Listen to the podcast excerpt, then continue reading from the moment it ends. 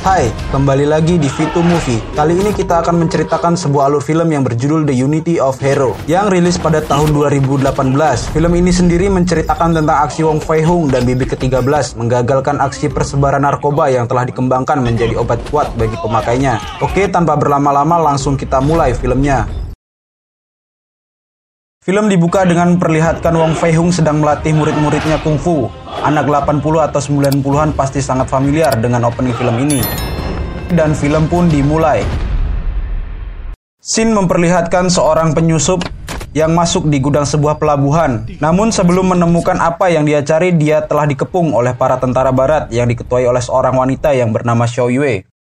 Namun tiba-tiba ada sosok tangan menyerupai monster mencekik penyusup itu dan langsung membuat si penyusup mati. Tapi obor si penyusup yang terjatuh pun menimbulkan kebakaran yang sangat besar. Xiao Yue dan prajuritnya pun mencoba untuk memadamkan api di sana. Tapi hal ini pun dimanfaatkan oleh seorang yang menyerupai monster ini pun kabur dari kurungannya dan mulai menyerang para prajurit di sana. Kemudian orang ini pun melarikan diri dan menceburkan dirinya ke laut. Singkat cerita, orang ini pun akhirnya berhasil kabur dan bersembunyi di perumahan penduduk yang kita sebut saja dia bernama Lin. Di pagi hari terlihat seorang yang bernama Aci sedang memberi makan kuda. Dikagetkan oleh Lin yang tidur di tumpukan jerami di kandang kuda itu. Aci pun sangat takut melihat Lin dan mencoba kabur karena dia melihat Lin seperti hantu. Lalu terlihat seutas tali terbang dan menjerat Lin dan muncullah sosok Wong Fei Hung dan Aci sendiri adalah satu dari tiga murid Wong Fei Hung yang terbaik. Kemudian dengan mudah Wong Fei Hung pun dapat melumpuhkan Lin.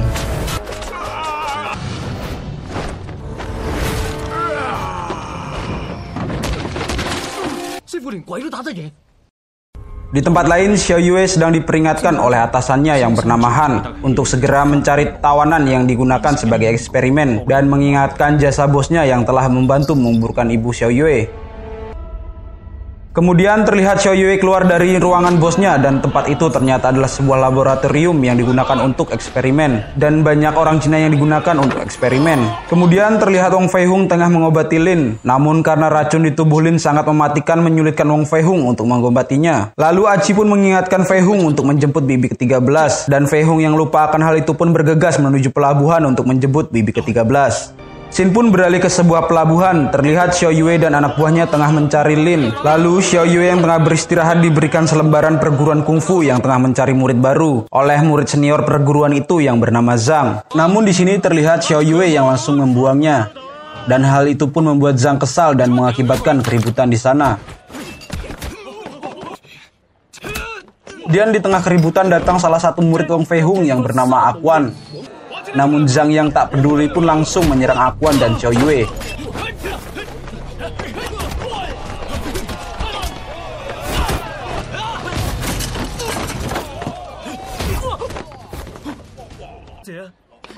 Dan pertarungan pun dengan mudah dimenangkan oleh Akuan dan Xiao Yue.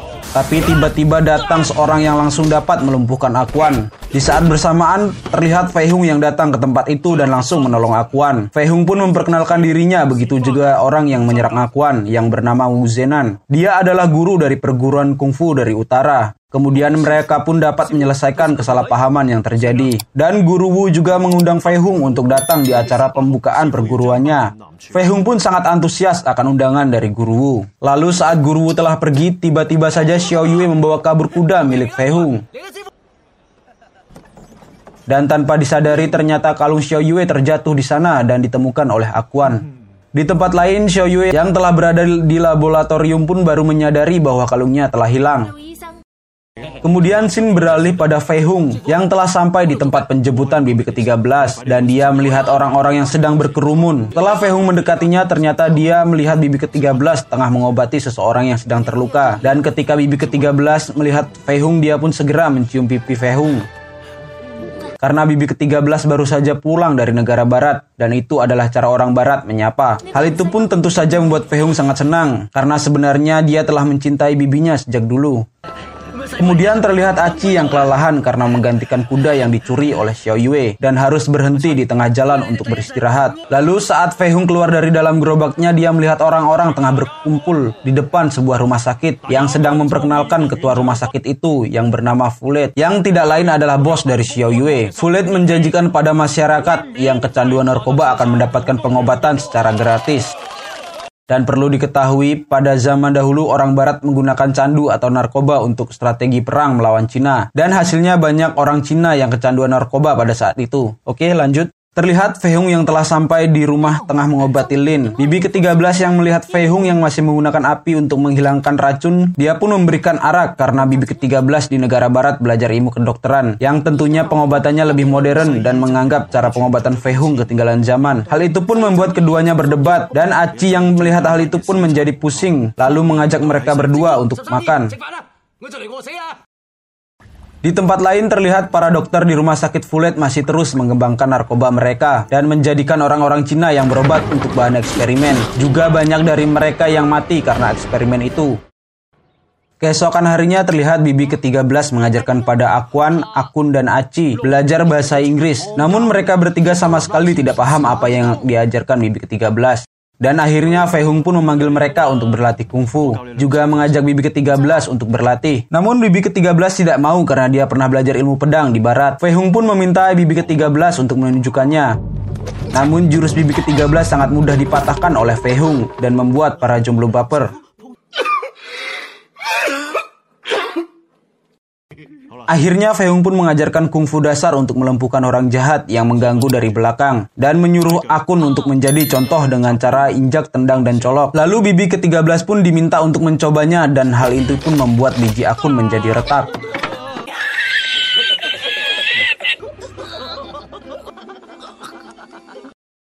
Di tempat lain, Xiao Yue yang belum menemukan Lin pun mendapatkan teguran dari Fulet, lalu menyuruh Xiao Yue untuk mendapatkan lebih banyak pasien lagi untuk eksperimen. Kemudian datang bibi ke-13 untuk melamar pekerjaan di rumah sakit itu, karena dia adalah seorang ahli bedah yang belajar di Newcastle, dan Fulet yang melihat resume dari bibi ke-13 pun langsung menerimanya. Kemudian setelah keluar ruangan Fulet, Bibi ke-13 pun berkenalan dengan Xiao Yue dan meminta izin untuk pergi ke laboratorium untuk mengecek jenis penyakit Lin. Dan akhirnya Xiao Yue mendapat informasi dari Bibi ke-13 bahwa Lin sekarang berada di perguruan Fei Hung. Kemudian sesampainya di rumah, Bibi ke-13 telah membawa beberapa peralatan dari rumah sakit dan ingin melakukan eksperimen untuk penyembuhan Lin. Lalu Fei Hung pun mengingatkan Bibi ke-13 untuk berhati-hati karena bisa membahayakan nyawa dari Lin. Lalu terlihat Xiao Yue yang melapor pada Fulet bahwa Lin berada di perguruan Fei Hung dan berencana membunuhnya pada malam itu. Namun hal itu dilarang oleh Fulet karena Fei Hung sangat dihormati oleh masyarakat dan meminta Xiao Yue untuk mencari kesempatan untuk membunuh Lin secara halus. Keesokan harinya terlihat Guru Wu yang tengah meresmikan perguruan kungfunya dan dihadiri oleh banyak orang termasuk Xiao Yue dan Bibi ke-13. Namun terlihat orang-orang yang tidak begitu menyukai barongsai dari utara dan pergi dari sana. Kemudian muncul barongsai milik Fei Hung yang membuat banyak orang datang kembali untuk menonton. Dan dari dalam barongsai muncul Fei Hung yang langsung memberi selamat pada Guru Wu. Guru pun sangat berterima kasih pada Fei Hung. Di sisi lain terlihat Akuan yang mendekati Xiao Yue dan memperlihatkan kalung milik Xiao Yue yang ditemukannya di pelabuhan, lalu mengatakan bahwa dia selalu menyimpannya dan tidur selalu memakainya. Xiao Yue yang mendengar hal itu pun terlihat marah dan menampar Akuan. Kemudian terlihat Zhang dan rekannya yang melihat Akuan dan Xiao Yue pun langsung menyerangnya dan dengan mudah Akuan dapat mengalahkan mereka. Namun tiba-tiba saja Guru Wu datang dan membantu Zhang. Lalu saat Guru Wu akan menyerang Akuan yang sudah tak berdaya, Fei Hung pun datang dan menghalau Guru Wu. Kemudian Guru yang marah akan hal itu pun meminta Fei Hung untuk menunjukkan kehebatan barongsai mereka masing-masing. Dan pertarungan barongsai pun terjadi.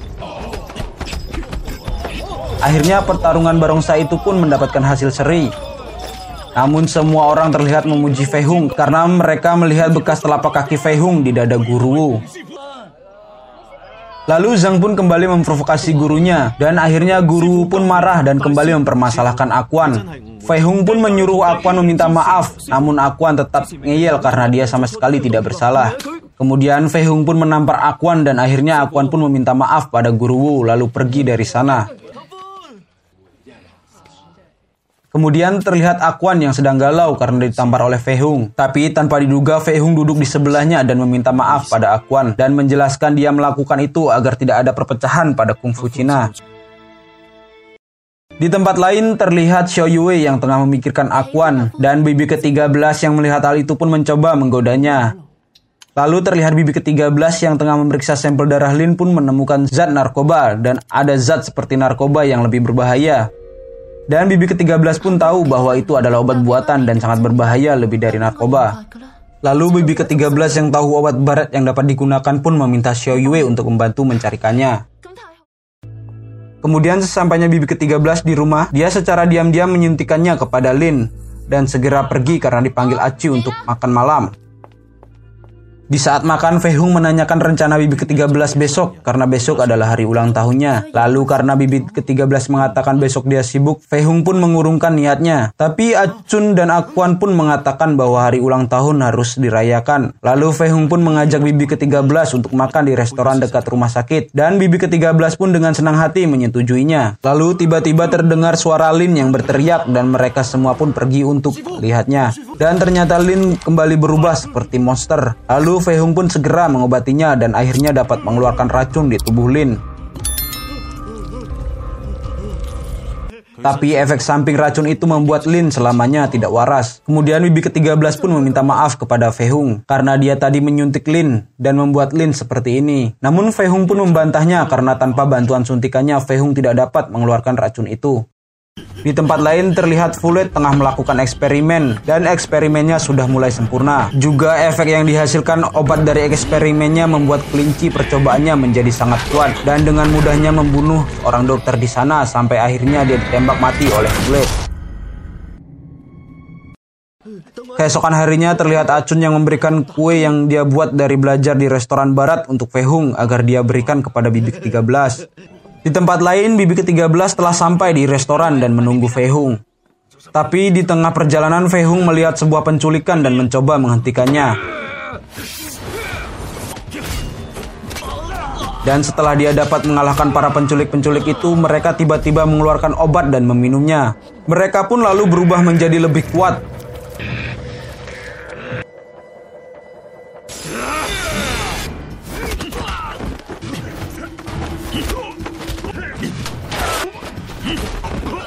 Namun Fei Hung tetap saja dengan mudah dapat mengalahkan mereka dan menggagalkan penculikan itu. Kemudian Fei Hung pun mengambil botol obat bekas penculik tadi dan mencoba melapor kepada pihak yang berwajib. Dan sesampainya Fei Hung di tempat pihak berwajib, dia melaporkan apa yang dia alami barusan. Dan Fei Hung mencurigai keterlibatan orang barat dalam hal ini. Lalu tiba-tiba saja muncul Fulet di sana. Dan kepala keamanan di sana pun langsung mengalihkan pembicaraan dan memperkenalkan Fulet. Kemudian kepala keamanan pun menyuruh Fehung agar segera pulang dan dengan pedenya mengambil kue milik Fehung. Tapi Fehung di sini tetap bersikeras meminta kepala keamanan untuk menyelidiki masalah ini. Namun kepala keamanan pun meminta bukti dari apa yang dilaporkan oleh Fehung dan Fehung pun akhirnya pergi dan berjanji akan membawa bukti dari apa yang dia curigai. Lalu setelah Fehung pergi, kepala keamanan pun mengajak Fulet untuk melanjutkan pembicaraan mereka. Dan di sini diketahui bahwa Fulet tengah mengurus surat izin untuk mengedarkan obat-obatannya dengan memberikan banyak uang sogok untuk kepala keamanan. Kepala keamanan pun sangat senang dan mengajak Fulet untuk makan kue milik Fehung yang ternyata bertuliskan kata I love you. Di tempat lain, Fehung yang telah sampai di restoran ternyata mendapati bibi ke-13 telah pergi karena sudah terlalu lama menunggu Fehung. Lalu terlihat Fulet yang memerintahkan Xiao Yue untuk membunuh Fei Hung. Dan ini adalah tugas terakhir Xiao Yue. Lalu dengan berat hati Xiao Yue pun akhirnya menyetujuinya. Kemudian Fulet juga memerintahkan Han untuk mendekati perguruan utara. Karena Fulet mendengar bahwa perguruan utara dendam dengan Fei Hung. Oke. Di tempat lain terlihat Zhang yang tengah emosi karena banyak yang meremehkan perguruan utara dan selalu mengagungkan perguruan Fei Hung. Di saat bersamaan datang Han yang mengajak Zhang bekerja sama. Tapi adik seperguruan Zhang mengingatkan bahwa gurunya tidak mau mereka berhubungan dengan orang barat. Zhang pun menolak tawaran Han, tapi Han merayu mereka agar mau bekerja sama. Maka perguruan mereka akan menjadi yang terbaik dan bisa segera menikmati hidup. Zhang dan adik seperguruannya pun akhirnya termakan rayuan Han. Di malam hari terlihat Fei Hung tengah meminta maaf kepada bibi ke-13 karena kejadian siang tadi. Namun bibi ke-13 tetap tidak mau memaafkan Fei Hung. Lalu Akuan, Acun, dan Aci yang dari tadi mengintip hal itu pun memberi saran pada Fei Hung agar memberikan bibi ke-13 bunga segar. Kemudian Akun pun berteriak bahwa Fei Hung memberikannya bunga. Lalu bibi ke-13 hatinya pun merasa senang dan mau membuka pintu. Tapi ternyata Fei Hung memberikannya bunga matahari beserta potnya yang diambil di halaman rumah. Bibi ke-13 pun sangat marah dan pergi dari sana. Kemudian Fei Hung sangat kesal pada murid-muridnya itu. Lalu tiba-tiba terdengar suara teriakan Lin dan Fei Hung pun bergegas mengeceknya dan menyuruh para muridnya untuk mencari bibi ke-13. Kemudian di tengah jalan mereka bertiga dihadang oleh para penyusup. Tapi dengan mudah dapat mereka lumpuhkan. Lalu muncul Zhang yang langsung meminum obat yang dia dapat dari Han yang membuatnya berubah menjadi sangat kuat dan mereka bertiga pun bingung dengan obat yang diminum Zhang. Lalu Zhang pun mulai menyerang mereka dan membuat mereka kalah dengan kekuatan yang dimiliki Zhang saat ini. Dan akhirnya mereka pun memutuskan untuk menyerang bersama-sama. Kemudian karena sundulan maut acun mereka pun dapat mengalahkan Zhang. Lalu Zhang dan rekannya pun segera kabur dari sana. Di tempat lain terlihat bibi ke-13 yang sedang galau. Tiba-tiba ada seseorang yang mendekatinya. Kemudian dia pun menggunakan jurus yang pernah diajarkan oleh Fei Hung dan hasilnya pun double kill. Dua biji akuan pun langsung retak seketika. Di tempat lain terlihat Guru Wu yang sangat marah karena Zhang melapor bahwa Fei Hung telah memukuli dia dan adik seperguruannya. Juga memfitnah Fei Hung kalau dia mengatakan Guru Wu adalah seorang pecundang. Tapi saat murid-muridnya ingin gurunya membalas Fei Hung, Guru menolaknya karena perguruannya masih sangat lemah. Kemudian Zhang pun mencampur obat yang dia dapat dari Han ke dalam teh gurunya dan memberikan teh itu kepada Guru Wu. Lalu setelah meminum teh bercampur obat itu, Guru Wu tampak emosionalnya meningkat dan pergi mencari Fei Hung. Dan akhirnya Guru pun bertemu dengan Fei Hung.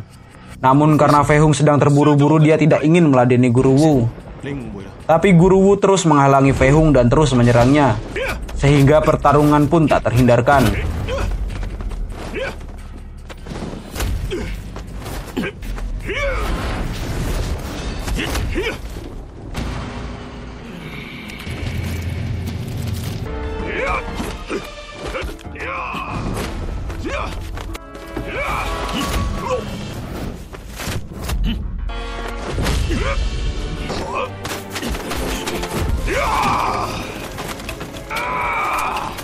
Tapi akhirnya karena Guru sangat kuat menahan semua serangan Fei Hung, membuat Fei Hung harus kalah. Guru pun kemudian pulang dengan sangat bangga dapat mengalahkan Fei Hung. Lalu datanglah Xiao Yue yang ingin membunuh Fei Hung di saat dia sedang terluka. Dan terlihat Lin yang berlari menghalangi Xiao Yue. Namun Lin ditembak oleh Han yang juga datang ke sana. Dan karena diremehkan oleh Han, Xiao Yue pun langsung menembak Fei Hung hingga dia sekarat. Lalu karena mendengar suara tembakan, murid-murid Fei Hung pun datang. Dan Xiao Yue pun segera pergi dari sana. Kemudian terlihat mereka semua sangat panik dan segera membawa Fei Hung untuk diobati. Semua murid Fei Hung pun sangat sedih, namun bibi ke-13 menenangkan suasana dan bersiap melakukan operasi untuk mengeluarkan peluru dalam tubuh Fei Hung. Di tempat lain terlihat Guru Wu tiba-tiba merasakan semua tubuhnya terasa sakit dan Zhang pun segera memberikan teh yang kembali dicampur dengan obat. Lalu Guru Wu pun merasa tubuhnya kembali normal. Dan dia pun menyadari bahwa Zhang telah mencampur sesuatu di dalam tehnya. Akhirnya Zhang pun mengaku bahwa dia mencampur teh gurunya dengan obat orang barat. Yang tak lain adalah narkoba yang telah dikembangkan tadi dan sekarang sudah mulai diedarkan. Guru Wu pun sangat marah kepada Zhang dan ingin melumpuhkan kungfu Zhang.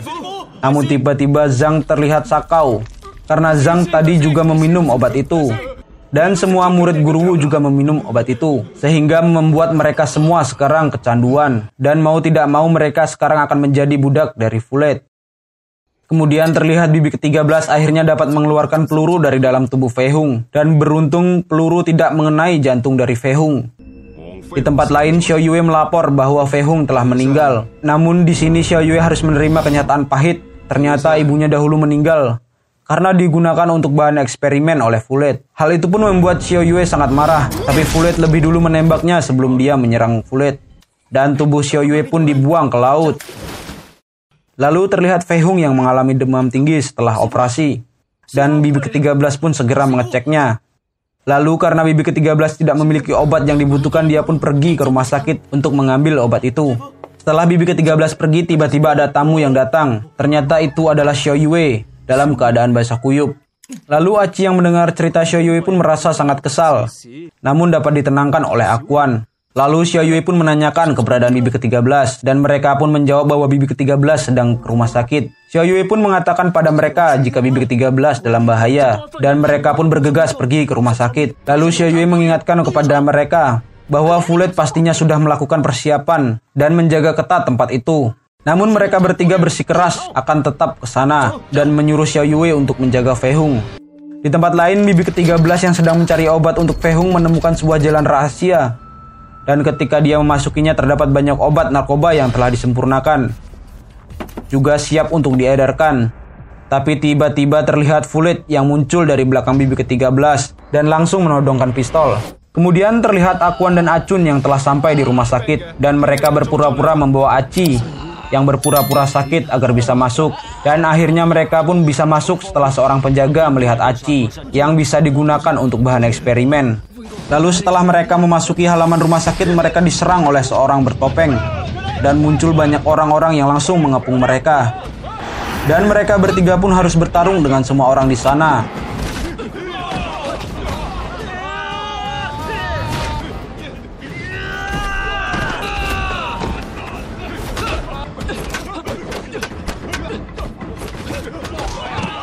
Lalu karena jumlah orang-orang itu sangat banyak akhirnya mereka pun kewalahan dan datang prajurit barat yang membuat mereka harus menyerah. Kemudian tanpa diduga datang Fei Hung yang langsung mengeluarkan jurus tendangan tanpa bayangan dan dengan mudah mengalahkan semua orang di sana.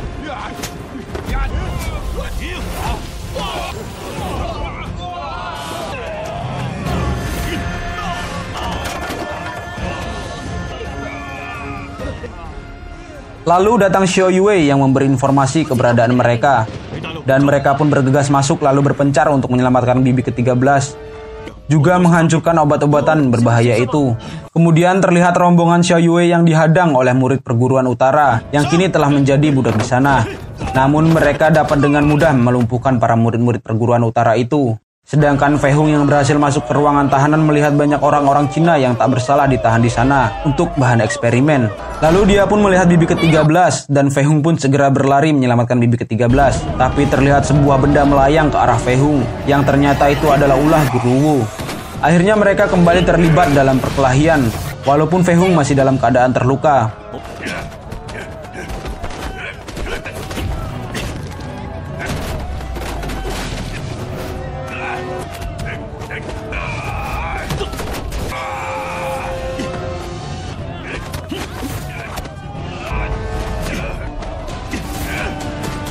Di tempat lain terlihat Xiao Yue dan yang lainnya yang berniat menghancurkan obat-obatan di sana dihadang oleh Han dan juga Zhang yang langsung menyuntikkan obat terlarang itu ke tubuhnya.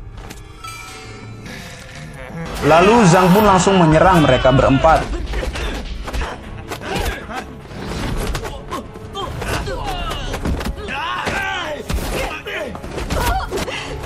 Dan dengan bersusah payah mereka berempat pun melawan Zhang yang menjadi sangat kuat sampai akhirnya dapat mengalahkannya.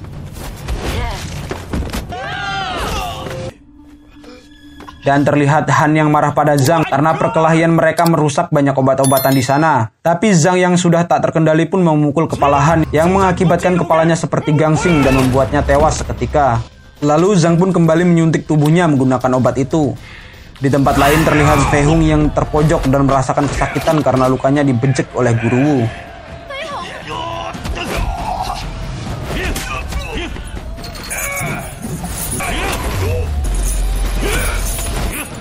Tapi tanpa diduga Guru Wu masih bisa bangkit walau sudah terkena pukulan Fei Hung yang menggunakan rantai. Lalu terlihat Xiao Yue dan yang lainnya mati-matian melumpuhkan Zhang secara bekerja sama sehingga dapat membuat Zhang terluka parah. Tapi Zhang yang sudah tak terkendalikan lagi emosinya kembali menyuntikkan obat terlarang itu ke tubuhnya, sehingga membuat dia kali ini overdosis. Setelah Zhang mati, mereka berempat pun langsung menghancurkan semua obat-obatan di sana. Kemudian terlihat Fei Hung yang kali ini dapat dilumpuhkan oleh Guru Wu dan membuatnya tak mampu bergerak. Lalu terlihat semua orang membantu mencegah Guru Wu yang ingin menghabisi Fei Hung. Dan ketika Fei Hung melihat anak kecil yang juga ikut membantunya dan meminta kepada Fei Hung untuk segera bangkit. Hal itu pun seakan-akan membuat kekuatan Fei Hung pulih kembali dan langsung menyerang Guru Wu dengan tendangan tanpa bayangan yang akhirnya dapat membuat Guru Wu kalah. Akan tetapi muncul Fulit yang menyandra bibi ke-13 dan menembak kaki Fei Hung. Tapi Fei Hung yang tak menyerah pun mencoba menyerang Fulet, tapi Fulet dengan cepat menembakkan pistolnya. Namun dari sisi lain Guru Wu berlari dan mengorbankan dirinya untuk menyelamatkan Fei Hung. Kemudian di ujung hidupnya Guru Wu pun meminta maaf kepada Fei Hung dan berpesan kepada Fei Hung agar dapat menghancurkan kejahatan orang barat sampai ke akarnya. Di sisi lain muncul Xiao Yue dan yang lainnya. Lalu Fei Hung pun segera menyuruh mereka untuk bersembunyi. Kemudian Fei Hung keluar secara perlahan dan mengisyaratkan tanda oke yang ditujukan kepada bibi ke-13. Dan bibi ke-13 pun mengingat isyarat itu untuk menggunakan jurus yang diajarkan oleh Fei Hung. Sementara Fulet menganggap isyarat itu sebagai tanda Fei Hung telah menyerah. Sampai akhirnya biji Fulet pun diretakkan oleh bibi ke-13. Dan Fei Hung pun menyerangnya menggunakan payungnya. Dan Fulet pun akhirnya mati karena terkena obat yang dia buat sendiri. Lalu terlihat Fehung yang sudah lemas karena luka yang dialaminya. Namun Fehung masih baik-baik saja. Dan para muridnya pun melepas semua tahanan dan semua orang pun berterima kasih pada Fehung. Lalu film pun ditutup dengan memperlihatkan Xiao Yue yang diangkat menjadi murid Fehung.